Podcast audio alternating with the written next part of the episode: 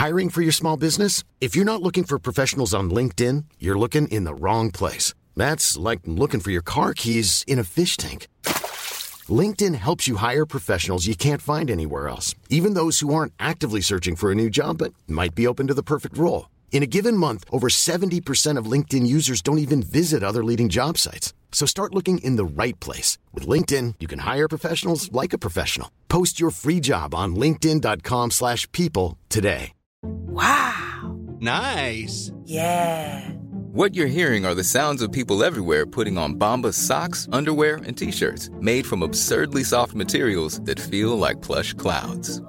Yeah, that plush. And the best part? For every item you purchase, Bombas donates another to someone facing homelessness. Bombas. Big comfort for everyone. Go to bombas.com slash ACAST and use code ACAST for 20% off your first purchase. That's bombas.com slash ACAST. Code ACAST.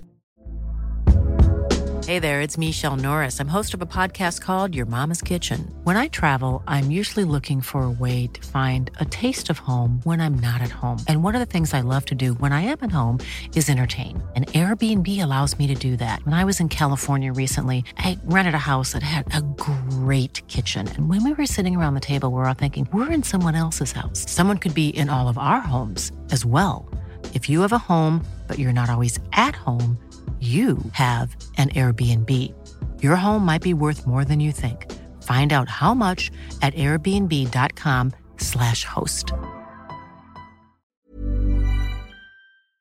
Bella, jag har en fråga till dig. Den handlar om pengar. Det är ett ämne som jag tycker är väldigt spännande. Alltid tyckt.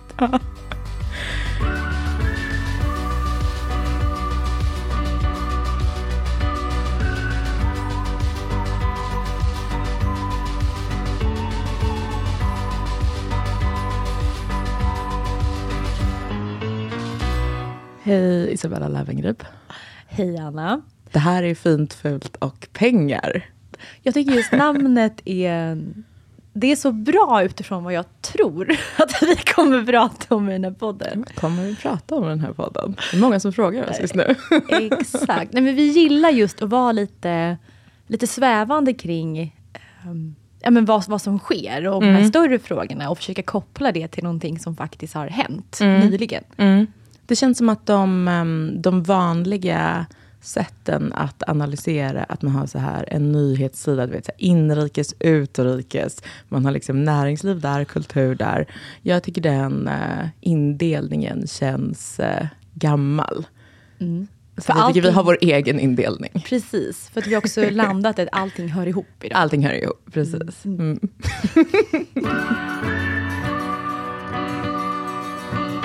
ja, alltså det, det, här är, det här är någonting jag tänkt på väldigt mycket på sistone. Och jag vet inte hur mycket det är i mitt huvud. Men jag, jag var till exempel hos frisören. En, en, eh, en del av min hittills helt osynliga glow-up. Nej. Och då, då skulle jag eh, fråga honom om... eh, Eh, jag hade tänkt köpa något stylingverktyg. Och så att jag visade min telefon så här, för honom hela tiden. Eh, så jag bara, ska, ska, jag ha, ska jag ha en sån här? Ska jag ha en sån här eh, airwrap från det här brittiska företaget Dyson som det går så himla bra för. Som är jättedyr. Som alla pratar om. Ska, ska jag ha en sån? Eller ska jag ha, ska jag ha en sån här varmluftsborste, som, som eh, den här tjejen från Borås, Matilda Järf, har. Som, som har gjort henne så internationellt stor. Eller ska jag ha, eh, satt och visade honom och han bara nej, nej, nej, nej, nej. De, de, de, de, är, liksom, de, de är för krångliga, de är för, eh, de sliter för mycket på håret. De, de är dåliga, de, eh, och dyra då. Det, det sa inte han, för frisörer är inte rädda för sånt. Men nej, nej, nej, sa han i alla fall. Och så han bara, så här, det, det du borde göra, det är att bara göra som alla barnen på TikTok gör. Och han är så yngre än jag också. Så jag bara, "Jaha, vad är det nu då? Och då uh, sa han att nej, men man bara, du bara lindar håret runt typ en gammal t-shirt. Mm. Och jag bara, "Ah, okej. Så här. Ehm, det är mycket bättre, uh, sliter ingenting. Eh, det, det ser mycket mer naturligt ut, håller bättre. Uh, tar mindre tid att göra. Och då, återigen, inte hans argument, men jag hörde ju att det är också helt gratis. Eh, och det här, det här är min, min känsla. Att det här, liksom, det här mönstret ser jag he, hela tiden nu. Att det som är bra är också billigt. Eller kanske, kanske inte riktigt så. Kanske att det är så här att pengar inte räcker för att nå det som är bra. Att de två inte hänger ihop på samma sätt som man kanske har tänkt tidigare. Nej. Håller du med mig? Absolut. Gör du det? Ja. Okej. Är du förvånad? Jag vet inte. Nej. Men jag tror att hade man sagt... eh, Hade man pratat med mig eller andra för kanske en massa år sedan så hade man sagt att absolut, Ja. den stora lyckan kommer med pengar. Ja.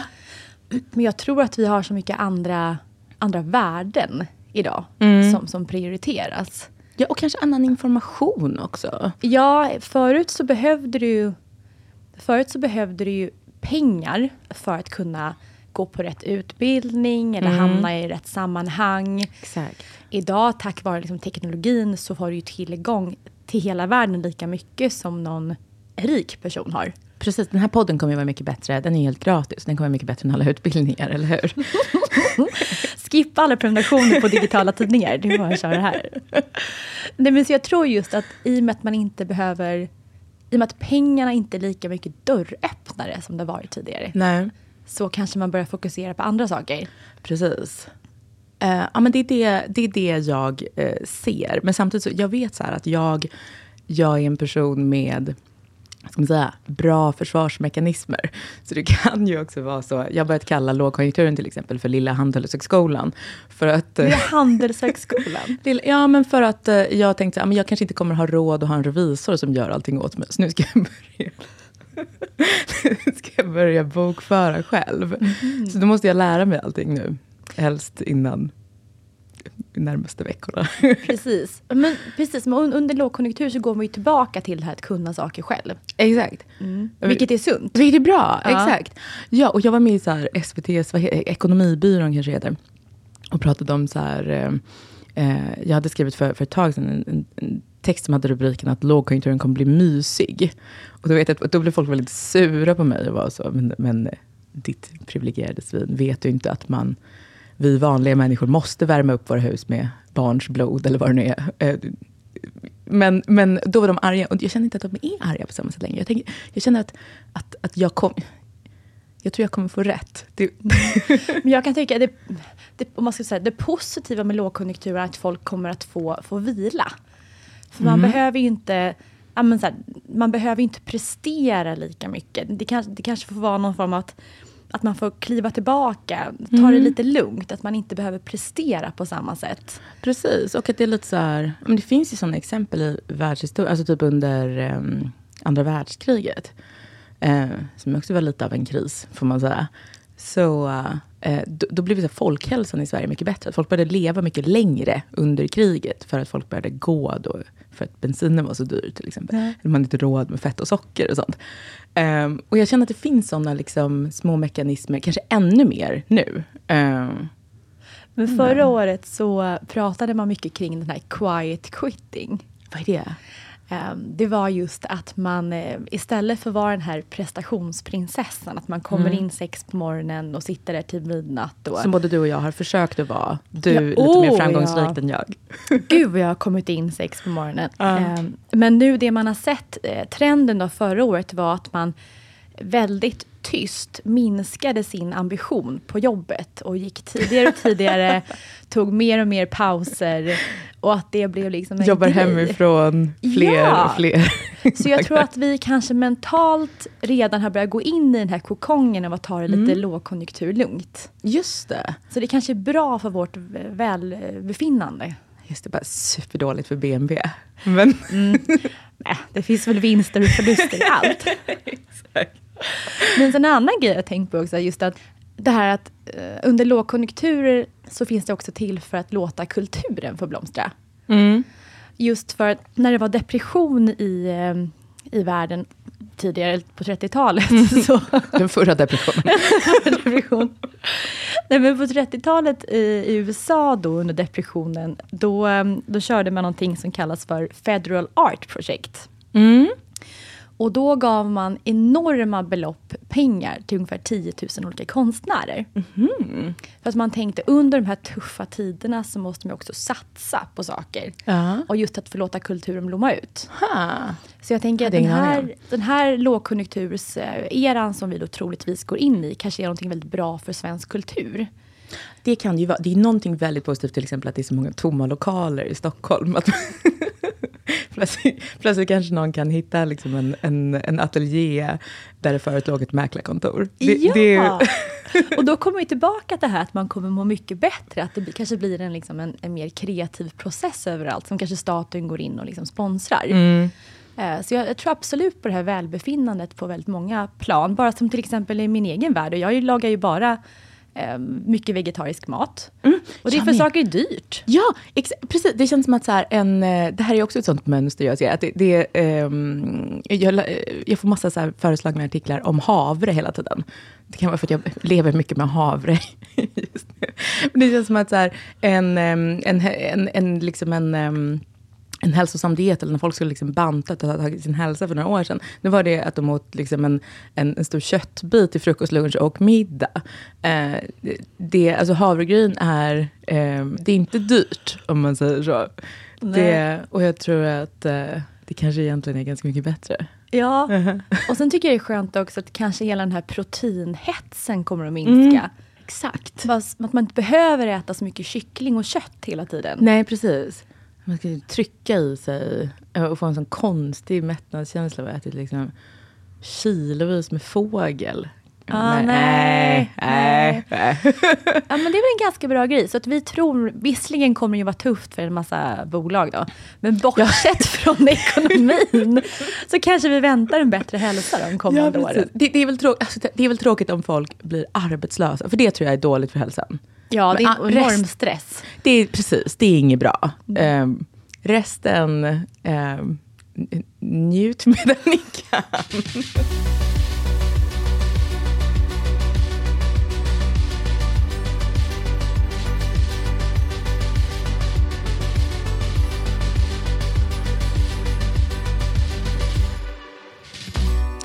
Samtidigt som att vi börjar närma oss nu en lågkonjunktur så är det väldigt många människor som liksom satsar extremt hårt i de här tiderna.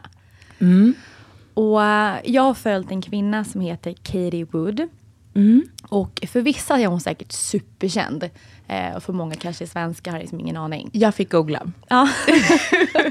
Men då, men då kände jag lite igen henne. För det, det, det känns som att det är någon som flimrat förbi i någon slags, eh, den här lite, för mig, eh, på håll näringslivsvärlden. Liksom. Mm.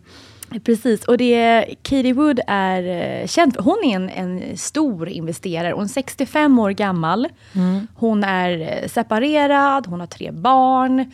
Hon är en sån här tuff kvinna som armbågar sig fram och liksom bygger upp enorma fonder. Och det enda hon fokuserar på är, destruktiva eh, techbolag.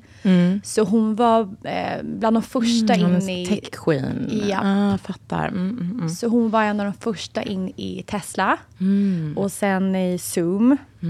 Eh, och sen var hon tidig med Alibaba. Och så hon har ju liksom haft en bra koll. Mm. Men, men det jag tycker är så spännande med henne. Det är ju att hon är, hon är djupt, djupt kristen. Mm. Och hon tar alla sina beslut kring vad hon ska köpa in kring hennes uppenbarelser från Gud. Oj! Och då, det som hänger ihop i det här är att hon är också en stolt Trump-anhängare. Ha. Okej. Mm. Och det jag tycker är så spännande är en kvinna som ändå ligger i framkant på de här tech-investerarna. Många gillar henne, många gillar henne inte. Ja. Hon har ju fått folk att förlora enorma pengar nu när, under den här sista kraschen eh, 2020 med pengar in i Tesla och så. Men just att man backar en sån kvinna som ber och får uppenbarelser kring vad hon ska investera i. Ja, alltså... ehm, eh, Tror du på det? Eh, Alltså, jag, jag är ju också kristen, så jag tänkte säga så här... Mm, mm, mm. Det var därför det jag ville ta upp det. Jag stannar nog ändå... Jag stannar nog faktiskt vid uppenbarelser. Eh, eller kanske särskilt sådana väldigt praktiska. Jag förstår att man ibland kan få en, en, en stark känsla av kanske vad som är rätt eller fel. Eller liksom, eh, den typen av, kanske lite vägledning på något sätt. Att det, det, det kan jag fatta. Uppenbarelse om, alltså om, ehm, om eh, litiumbatterier då, eller? Ja, men det känns som att världen har blivit så mycket mer acceptant mot saker. Om vi bara tittar på så här, svenska politiker så, eh, så kan man göra mycket mer utan att behöva avgå. Förutom PM Nilsson med ålskandalen. Ja. Men här handlar det om en Stackars känd... PM. Ja. Ja. Jätte, jättetöntigt. Ja, verkligen. Ja. Men här med Katie Wood, där handlar det om en då ex- extremt kristen person. Ehm, och i Sverige så har en av Sveriges största internetbanker valt att spegla en av hennes fonder. Så Alltså man bara kopierar liksom dagen efter samma köp som hon gör då, eller hur? Ja, precis som allt hon har, alla innehav som hon har i sin fond har då den här internetbank, eh, internetbanken eh, speglat en egen fond så att man har möjlighet att investera precis som hon investerar i. Mm. Är hon med på det på något sätt? Eller bara Ja, hon är med. Ah, jag såg okej. en intervju att hon var väldigt stolt. Okej. Men inte det är lite märkligt att man som svensk väljer att investera i en spegelfond från någon som är så superkristen? Att vi Det, känns, mm, Många av de här investerarna kanske har teknisk analys eller det finns Mm. någon extrem så här, banking, finance, cool strategi bakom. Mm, Men här har svenskarna bara svalt de här uppenbarelserna som, som styr aktierna. inte det är konstigt för oss svenskar att acceptera det? det är lite, men jag känner att det finns en sån grej i, ehm, alltså just finans har väl alltid varit lite så här sårbart för starka personligheter eller eh, alltså lite spök. Liksom. Det känns som att eh, det också har, har inte mm, eh, den delen av världen eh, ganska stort förtroende för här, eh, en viss typ av techpersoner som kanske tar svin mycket syra och liksom får den typen av uppenbarelser då. Eller liksom vägleds av någon shaman. Liksom, alltså, vad ska man säga? Burning Man-finansvärlden. De går ju ihop idag. de är ju super, precis, de, de är, det är samma värld på något sätt. Och de är ju, eh, det- är ju eh, oerhört flummigt. Alltså, eh, även för en liksom, ett sånt Jesus freak som jag, tycker jag att det är liksom, vad ska man säga, det är inte, ja, det är kanske där jag ska stoppa alla mina besparingar. Jag vet inte. Men, men, det, men egentligen är jag inte så förvånad. Liksom. Men du som är troende måste ändå tycka om eh, Katie Woods eh, namn på fonderna. Vad, vad är det? Allt heter ARK. alltså ARK, arken. Det tycker jag mycket om. Är inte det lite roligt? Det är roligt. Det är också det är roligt att hon har med det här så mycket i sin egen, alltså i, vad ska man säga, marknadsföringen av henne själv. Tror du det är positivt kanske? Att man har nischat så mycket som att här, jag är kristen och kommer att förvalta det här. Att det finns något, Just det. att det finns något kanske coolt kring det. Precis, att det, det, det, det, det är väl på ett sätt förtroendeingivande. Alltså precis som att alla, alla så här, eh, fonder eller, eller banker eller, eller så, de, de brukar ha samma, typ samma typsnitt. Och samma så här, de brukar ha färgen marinblått. Det inger för att det- förtroende. Det in, precis. Jag tror flygbolag har väl också ofta marinblått för att det är så här ansvar och tyngd Exakt. på något sätt. Eh, och eh, det, det, det kanske i USA kanske är lite samma sak. Eller, i, eller i också kanske då den nya finansvärlden. Så kanske är lite samma sak med eh, att, att vara fanatiskt religiös. Att det, Det är jätte... Men i alla fall, så nu kan man ju då kliva in i hennes då spegelfond här i Sverige. ja. Så jag, Kommer du göra det? Jag tror det. Men jag gör inte som att jag liksom går all in med allt jag äger Nej. och har. Utan jag tänker att jag Testa stoppar in lite. en del. Lite grann som jag gick in i så här, krypto tidigare. Att man går in mer för att testa. Ja, ja. Så jag hänger på henne nu hennes eh, spännande tech-investeringar. Nu vill jag också göra det. Men det är så roligt just med Tesla, för den har ju varit så katastrofal förra året. Och nu har hon gått in och dubblat allting som hon har investerat i. Och folk är ju livrädda för att man tagit det beslutet. Och någonting i mig tycker att det här är häftigt, att hon går sin egen väg. Men jag tror inte att stora institutioner kanske ska hoppa på henne, hennes, utan det är väl snarare allas privat- pensionspengar. Utan det är väl snarare privatsparande. Men jag Ja. gillar ändå henne. Hon är ju en riktig vattendelare i USA. Mm, eh, i och med med Trump och så. Men jag gillar ändå hennes modighet och jag tror att kan man ta det lite grann med en nypa salt och att man kliver in och ser det lite grann som en liten del av sin riskdel i portföljen. Eh, Jag kan ju prata hundra år kring hur man ska fördela en portfölj, men just då, jag kommer stoppa in lite grann just för, för att få följa hennes resa. Det känns jättekul. Då, då gör jag också det. Och få styras av hennes uppenbarelse från Gud.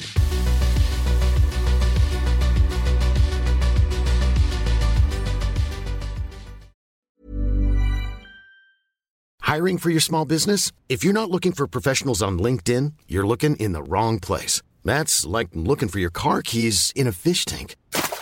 LinkedIn helps you hire professionals you can't find anywhere else, even those who aren't actively searching for a new job but might be open to the perfect role. In a given month, over 70% of LinkedIn users don't even visit other leading job sites. So start looking in the right place. With LinkedIn, you can hire professionals like a professional. Post your free job on linkedin.com/people slash people today.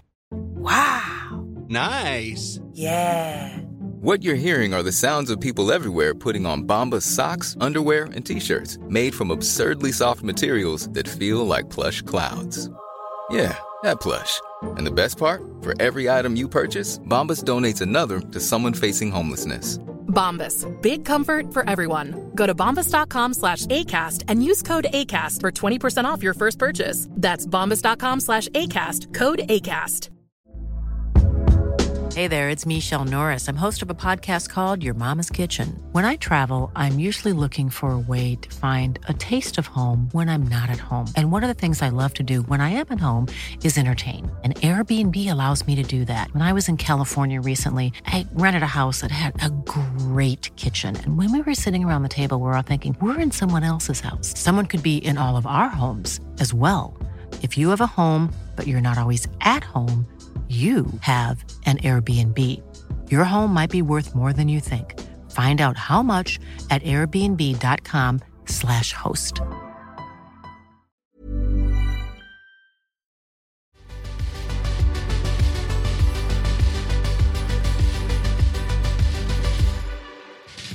Såg du Julia Fox House Tour? Ja. Jag fick en chock. For me personally, I just I don't like excessive displays of wealth. They make me feel it, icky. Um, you know, especially people that have really big houses. It's just really wasteful when there's so many homeless people in this country and like I just I'm I'm not really like that. Um and uh, yeah, we do have a little uh, small mouse problem, but you know, it, it's a it's a problem depending on how you look at it. You know, I kind of let them rock. I appreciate that they um, cl- at night while we're sleeping come out and clean up the crumbs that my son drops on the floor. So uh, yeah, I'm not gonna evict the mice anytime soon. Um, yeah. Vet folk vem Julia Fox är? Jag visste inte det innan du hade berättat om henne. Nej, alltså för hon kom, hon liksom, vad ska man säga, slog igenom genom att vara ihop med Kanye West för typ ett år sedan. Va? Ja, eh, men hon är liksom skå... Alltså, jag är lite så glad över att hon är i populärkulturen har blivit så här megakänd väldigt snabbt. För jag tycker att hon är så kul och skön. Och ser, så här, ser kul ut. Och, ja. Men är hon skådespelerska? Ja, precis. Ehm, och ehm, eh, jag tror hon har sagt till och med att, att, eh, att hon, ehm, att hon liksom har vad ska man säga, eh, velat bli känd liksom, ehm, för att bara öka sin finansiella trygghet. Det är ändå ganska härligt tycker jag. Ja, precis. Hon har en liten son och så här. Något måste man göra tydligen. Då får man bli upp med Kanye West om man inte, inte har något annat antar jag. Men, men hon gjorde en, en house tour på TikTok som eh, där hon till exempel pratar, det är mycket, alltså det, var, det, det var mycket med hennes döda vänners aska. Ja, den var jätteobehaglig. Ja. men, Det- men det, ja. ja. eh, det, det, och sen var det också då mycket med hennes eh, möss. Precis, för hon bor ju på Manhattan. Ja. Och precis som du sa så visar hon runt i det här läget. Men det är ju inte som vad folk förväntar sig av den här glassiga kvinnans liv. Men jag förstår att folk som bor i New York bor trångt. Mm. Det, det, är ju en, eh, ett känt liksom, faktum. Så. Men det är också ganska stökigt. Det är ganska... Eh, vad ska man säga? Det ser ut lite som en student, ett studentrum. Liksom. Ja. Eh, Precis, för hon har ju gjort vardagsrummet har hon ju gjort till hennes sovrum. ja. Så hon har ju inget vardagsrum. Nej, just det. Och halva sovrummet är ju där hennes barn leker. Precis. Men det finns inget kök heller, för där har hon skor. Ja, just det. Och det hade ju varit härligt om det är lite så här Carrie Bradshaw Ja, nej det är liv. inte alls så. Nej, nej inte det, med en treåring. Nej, det är bara trångt och stökigt och hennes jätte, liksom, eh, eh hennes Balenciaga-kläder ligger så här, hänger på jätt, såna här Ikea klädstänger liksom inklämda mellan... Bland lego. Ja. Men jag tror folk har ju älskat den här videon. Ja, precis. Och, och jag kan förstå det för att det är liksom, hon, hon är ju uh, gullig liksom.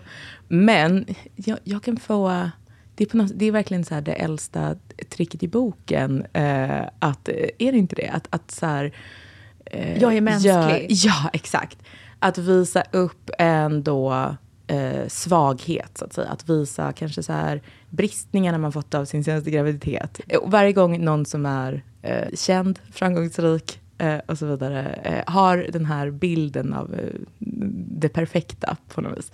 Så fort den visar upp någonting sånt så blir det ju... Eh, applåder. Appl så stora applåder.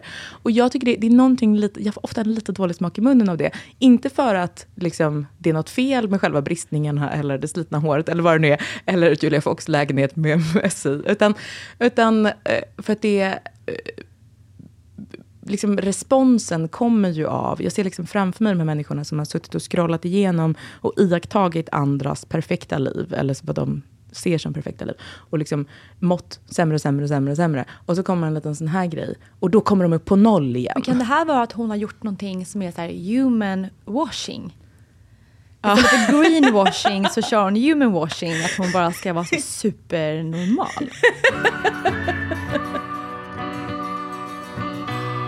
Förra året när jag höll på att skriva färdigt min bok som um, heter Kvinnomanualen så gav en um, kompis till mig en, um, en annan manual uh, till mig i present. Som, som jag kunde kanske lära mig lite av, tyckte hon.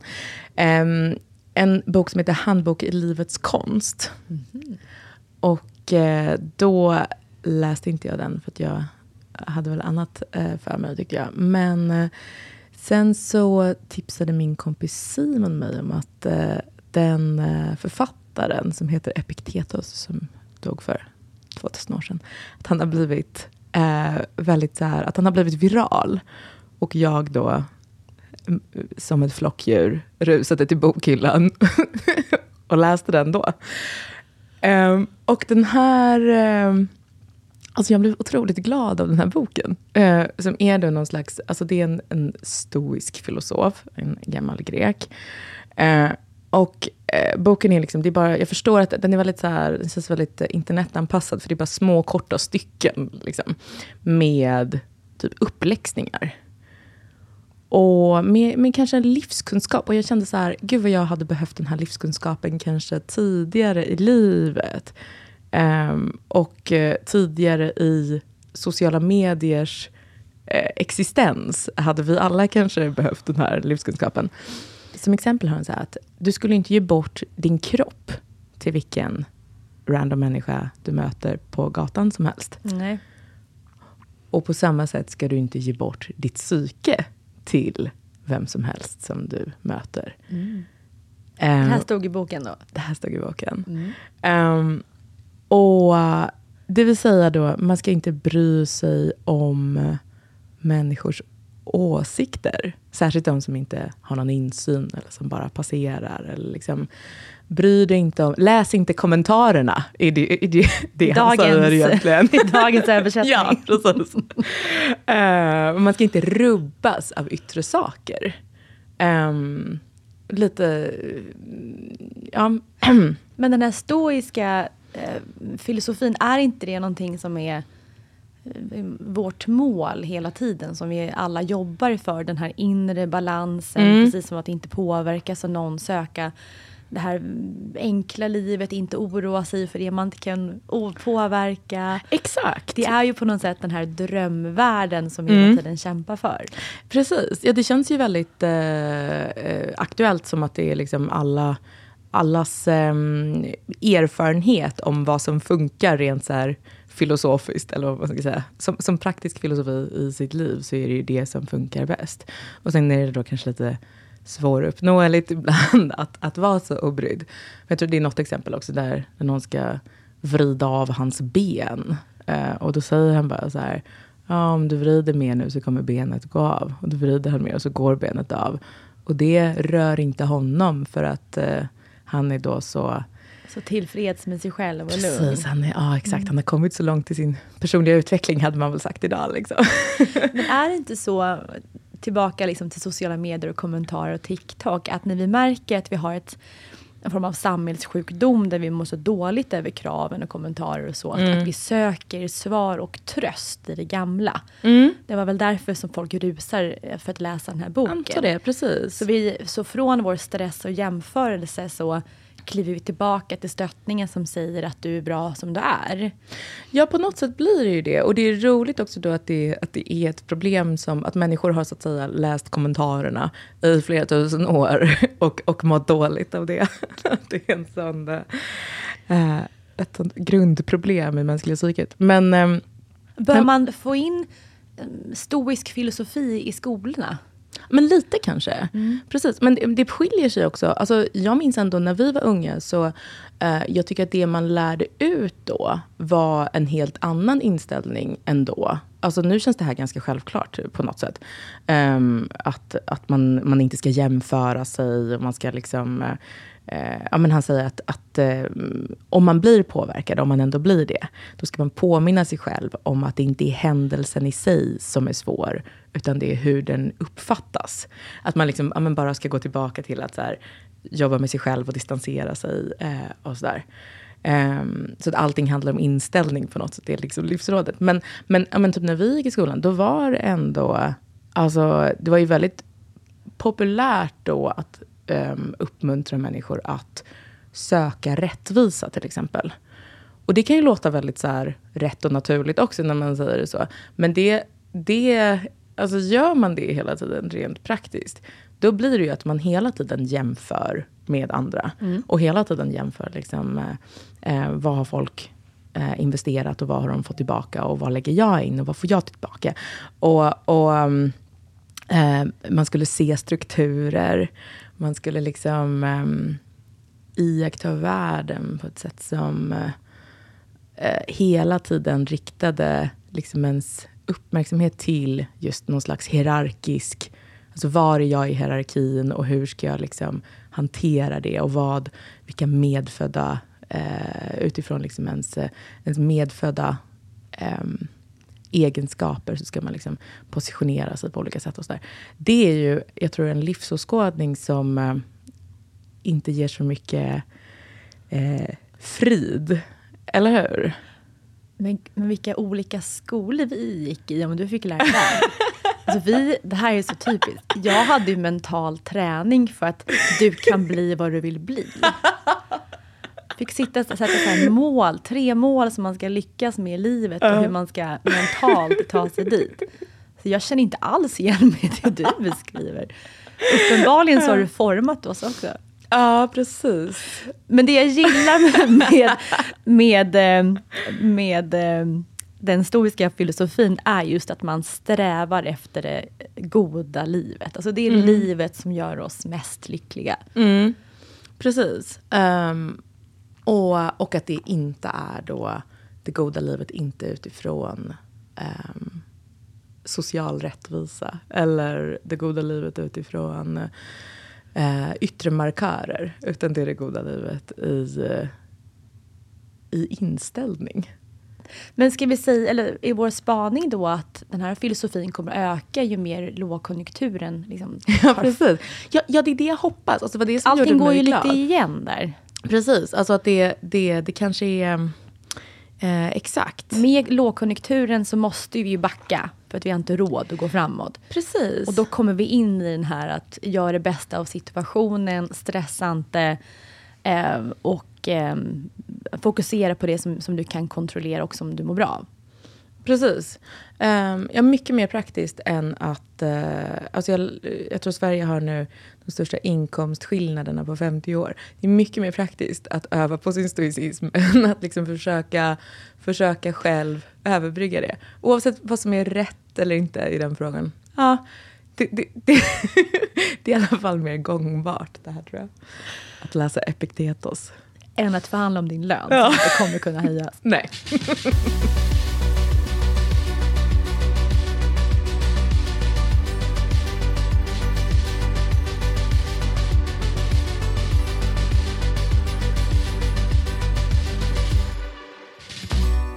Du vet när um, Elon Musk, som då den här då, miljardärfilosofen, eller Burning Man. vad vi ska kalla det. Exakt. Eh, när han var ihop med Grimes så skrev hon på, på eh, internet någonstans att, eh, att hon, hon var lite irriterad på honom för att han... hon skrev att han levde som att han var under fattigdomsgränsen. Och var lite sura då för att liksom, du vet inte vad riktig fattigdom är ungefär. Men de bodde faktiskt, alltså det gick att liksom kolla upp de bodde, jag tror det var någon så här Airbnb eller någonting, som var liksom, alltså typ en barack. Som de, de levde i. Eh, alltså verkligen ett rum. Ehm, och... eh, Under tiden som han eh, drev sina ja, men, ja, ja, ja, ja, alltså det här är ett år sedan kanske. Det är jättekonstigt. det här är också human washing. Eh, ja. Han vill visa sig mänsklig. Ja. ja, precis. Det kanske är det. Men, eh, eller som att han står över alla sådana. Det är liksom den nya, den nya statusmarkören. För att, men det, finns, ehm, det, finns, det finns faktiskt en, en bok om det som jag inte läst, men läste om. Eh, det är så jag gör research för den här podden. Att jag går till frisören och läser skummar en artikel. Men det, det, finns, det finns en bok som heter The Status Revolution. Som handlar lite om det här. ehm, att, och det känns också som en bok som eh, kanske räcker. Alltså, jag förstår inte hur man kan brodera ut det till en hel bok. Utan det känns mer som att det är eh, några minuter i ett poddavsnitt. Eh, passar bättre. Men, men han har sådana exempel som eh, på liksom att att det, eh, det, att, att förr räckte det med liksom, du kunde parkera en dyr bil utanför en krog och liksom alla flockade. Så att det var, eh, livet var lättare och pengar var mer magiskt. Nu så, eh, att köpa en dyr bil, eller en, en exklusiv bil kanske marknadsförs med att den eh, tillför någonting till det här lilla samhället i Italien där den tillverkas. Att det, är liksom, att det måste finnas mycket fler lager, det är mer komplicerat. Det är liksom, ehm, för att man ska kunna eh, locka människor som är intresserade av den här statusen. Liksom. Ehm, och det är väl verkligen det Elon Musk gör då. Det, det är någon slags, ja, human washing. ha, ha, lanserade du det begreppet nu i Ja, den här podden? ja. Ja. Men, men jag då ser ju alltid direkt eh, själva det kommersiella, eh, själva näringslivsbiten i det här att eh, ha saker och ting som en statusmarkör. Jag tänker ju direkt en helt annan tanke på till exempel för några år sedan så det, det land som, där det såldes mest Rolex-klockor i hela världen Och berätta. det var Grekland. Ha. Och det var ju för att deras valuta var ju, eller själva landets ekonomi var ju katastrof. Så det enda sättet att liksom säkra sina pengar var att köpa de här superstatus eh, produkterna. Som man köpte på sig för att veta att jag kan ta mig runt om i hela världen och jag vet att Rolexen kostar lika mycket. Just det. Så- Gör de det? Är det som, alltså det är som en guldtacka? Ja, det är en guldtacka. som ökar. Alltså den, jag tror att den Ja. ökar mer än vad guldet ökar. Ah, och den är ja. mer liksom säker, den är mer hedgad mot marknaden. Ah. Så, så det kanske finns en poäng att man går runt med sin, med sin eh, säkra, sin liksom, ekonomiska försäkring på sig. Just det. Så det kanske inte är något negativt att gå runt i sin Chanel-väska och Rolex när det är ens liksom stora säkerhet. Nej, precis. Men det man kan göra då, det är att man har på sig eh, krypto istället. För det är inte lika stor risk att förlora på gatan. Bli rånad menar du? Nej. Jag har faktiskt en, en, ett halsband som är en, en, en, liten, guld, eh, en liten guldtacka. Alltså det är rent guld. Ska du säga det i podden? jag går på gatan. På mig nu. jag, gillar, jag gillar den idén. Alltså som vikingarna hade också sådana smycken med liksom sina byten. Eh, så hackar man av en bit om man ska betala. Jag tycker det känns praktiskt. Liksom.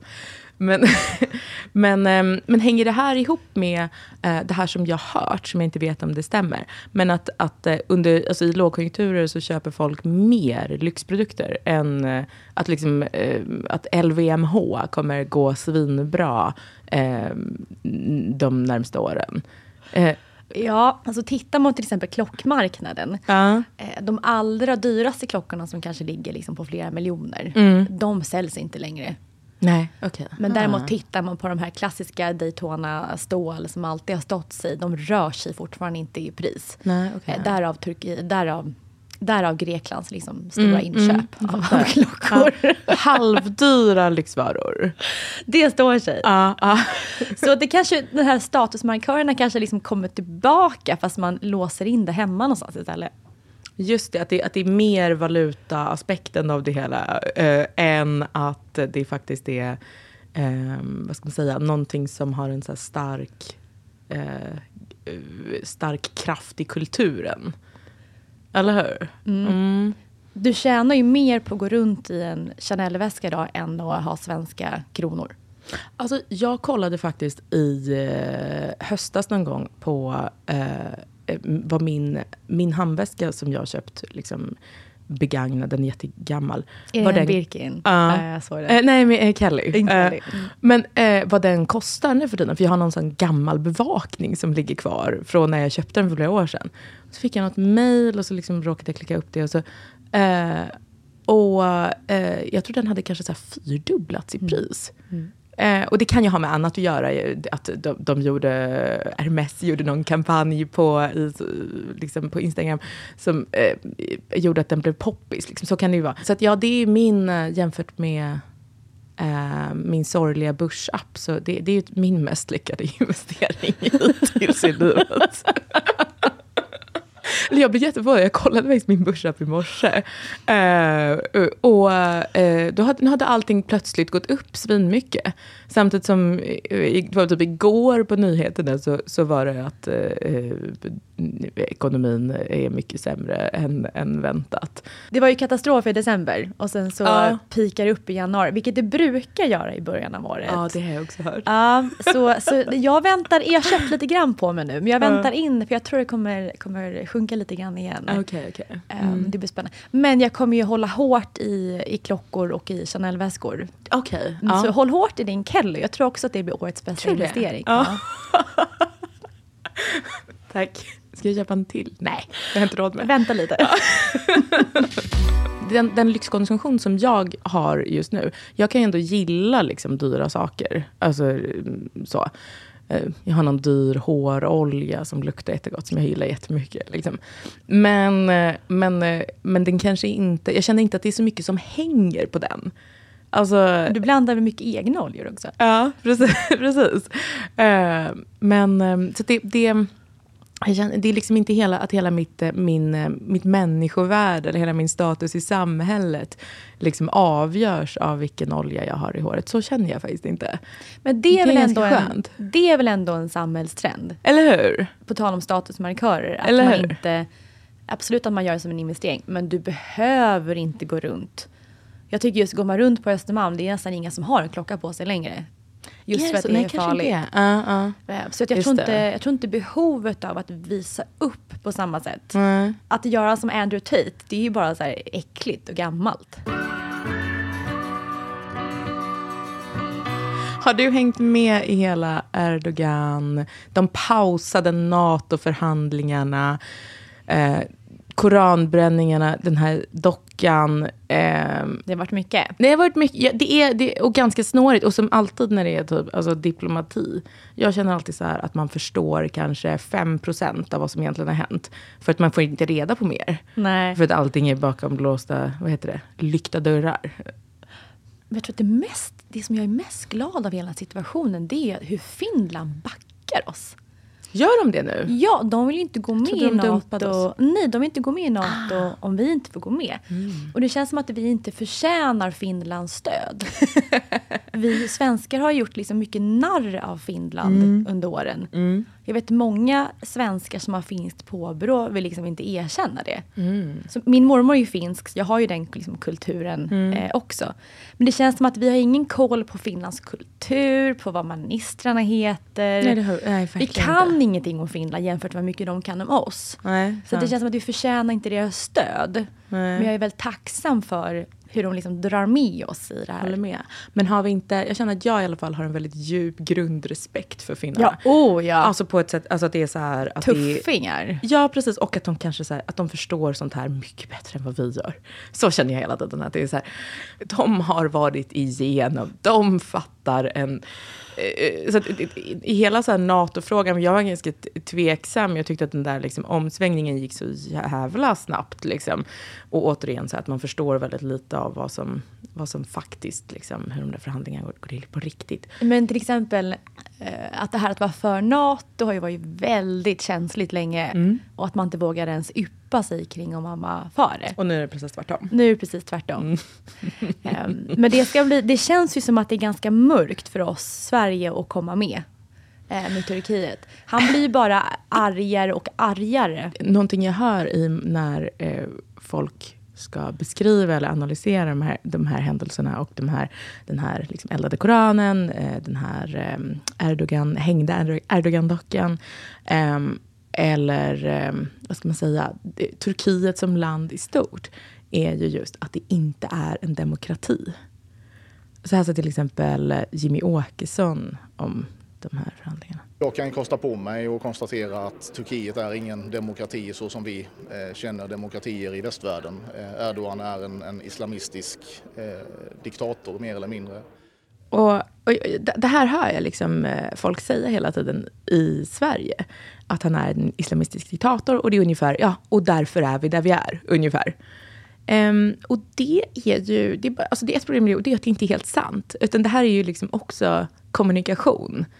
Uh, för hela anledningen att Erdogan gjort så jävla stor grej av allt det här, det är att det är val snart i Turkiet. Ja, alltså att Ja. han, precis. Det finns ju en ganska stor chans faktiskt att han inte vinner. Precis. Han är ju livrädd för det här. Exakt. Och, och han använder, alltså eh, problemet är inte att han är diktator. Hade han varit diktator då hade det bara varit att skaka tass. Alltså då, då hade det inte behövt vara den här, den här eh, processen på det här sättet med så mycket kommunikation. Utan han behöver bli vald. Och eh, det turkiska folket som han då måste få med sig de gillar inte koranbränningar sådär jättemycket. Eh, och det behöver han som politiker använda i sin kampanj. Alltså precis som att Jimmy Åkesson använder den här striden i sin politiska marknadsföring eftersom eh, hans väljare inte gillar Koranen så mycket, å andra sidan.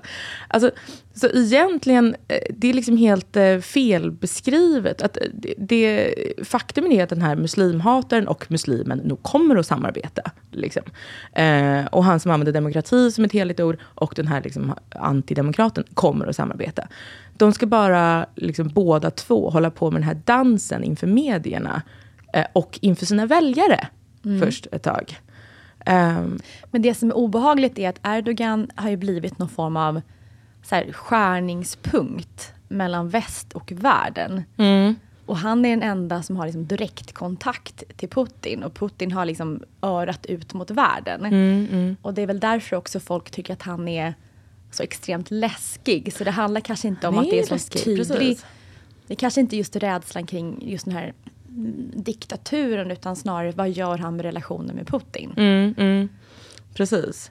Och att ja, men verkligen den här eh, bryggan mellan eh, eh, väst och öst på något sätt. Jag tror att alla i, eller många i EU har ju, minns ju hur han betedde sig under flyktingvågen.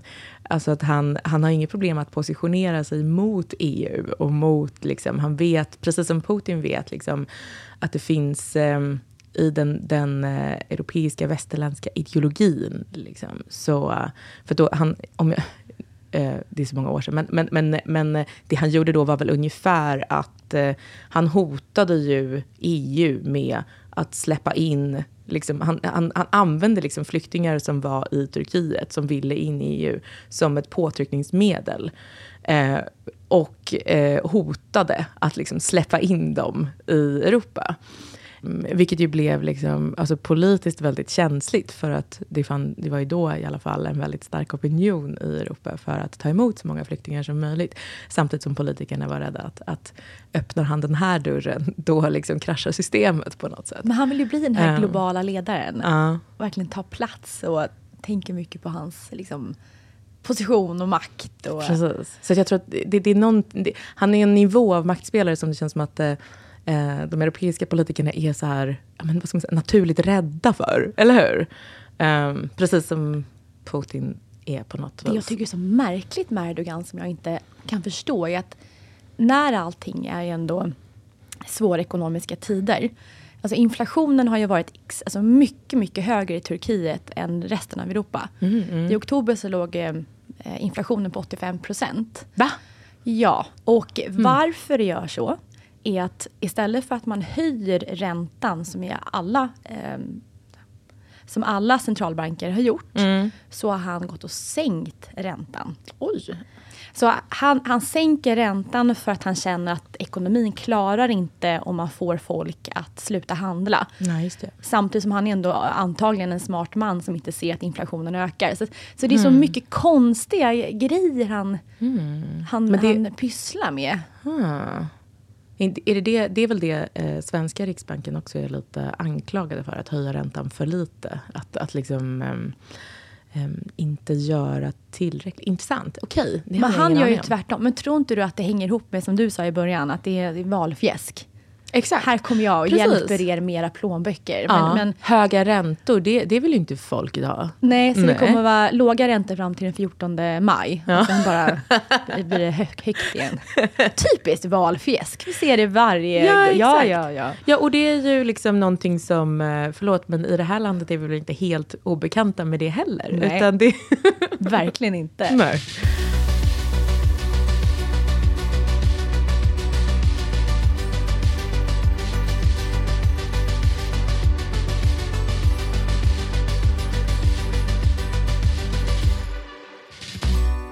Jag, jag pratade faktiskt med en, en, en så här, eh, eh, medelålders eh, fondförvaltare som har haft en sån, du vet, kommit in i, i liksom finansvärlden perfekt på 80-talet när allting gick jättebra. Var han kristen? Eh, nej, en svensk. Men, eh, och som, som, det, som han har nog inget att klaga på. Det verkar ha gått bra. Eh, och sen, eh, och han sa till mig att Eh, om jag hade varit ung idag, då hade jag aldrig valt finansvärlden. Mm. Utan då hade, jag, eh, då hade jag gjort det du gör. Och jag bara, va? Är du helt jävla galen? jag, är kulturarbetare. Förstår du inte? Är du liksom, är jag självdestruktiv? Um, men jag tror att det var lite det han menade, det vi pratade om idag kanske. Att pengar pengar är inte vad pengar var. Nej. Nej. Samtidigt så är det det. Det här var fint fullt av pengar. Hej då. Hej då.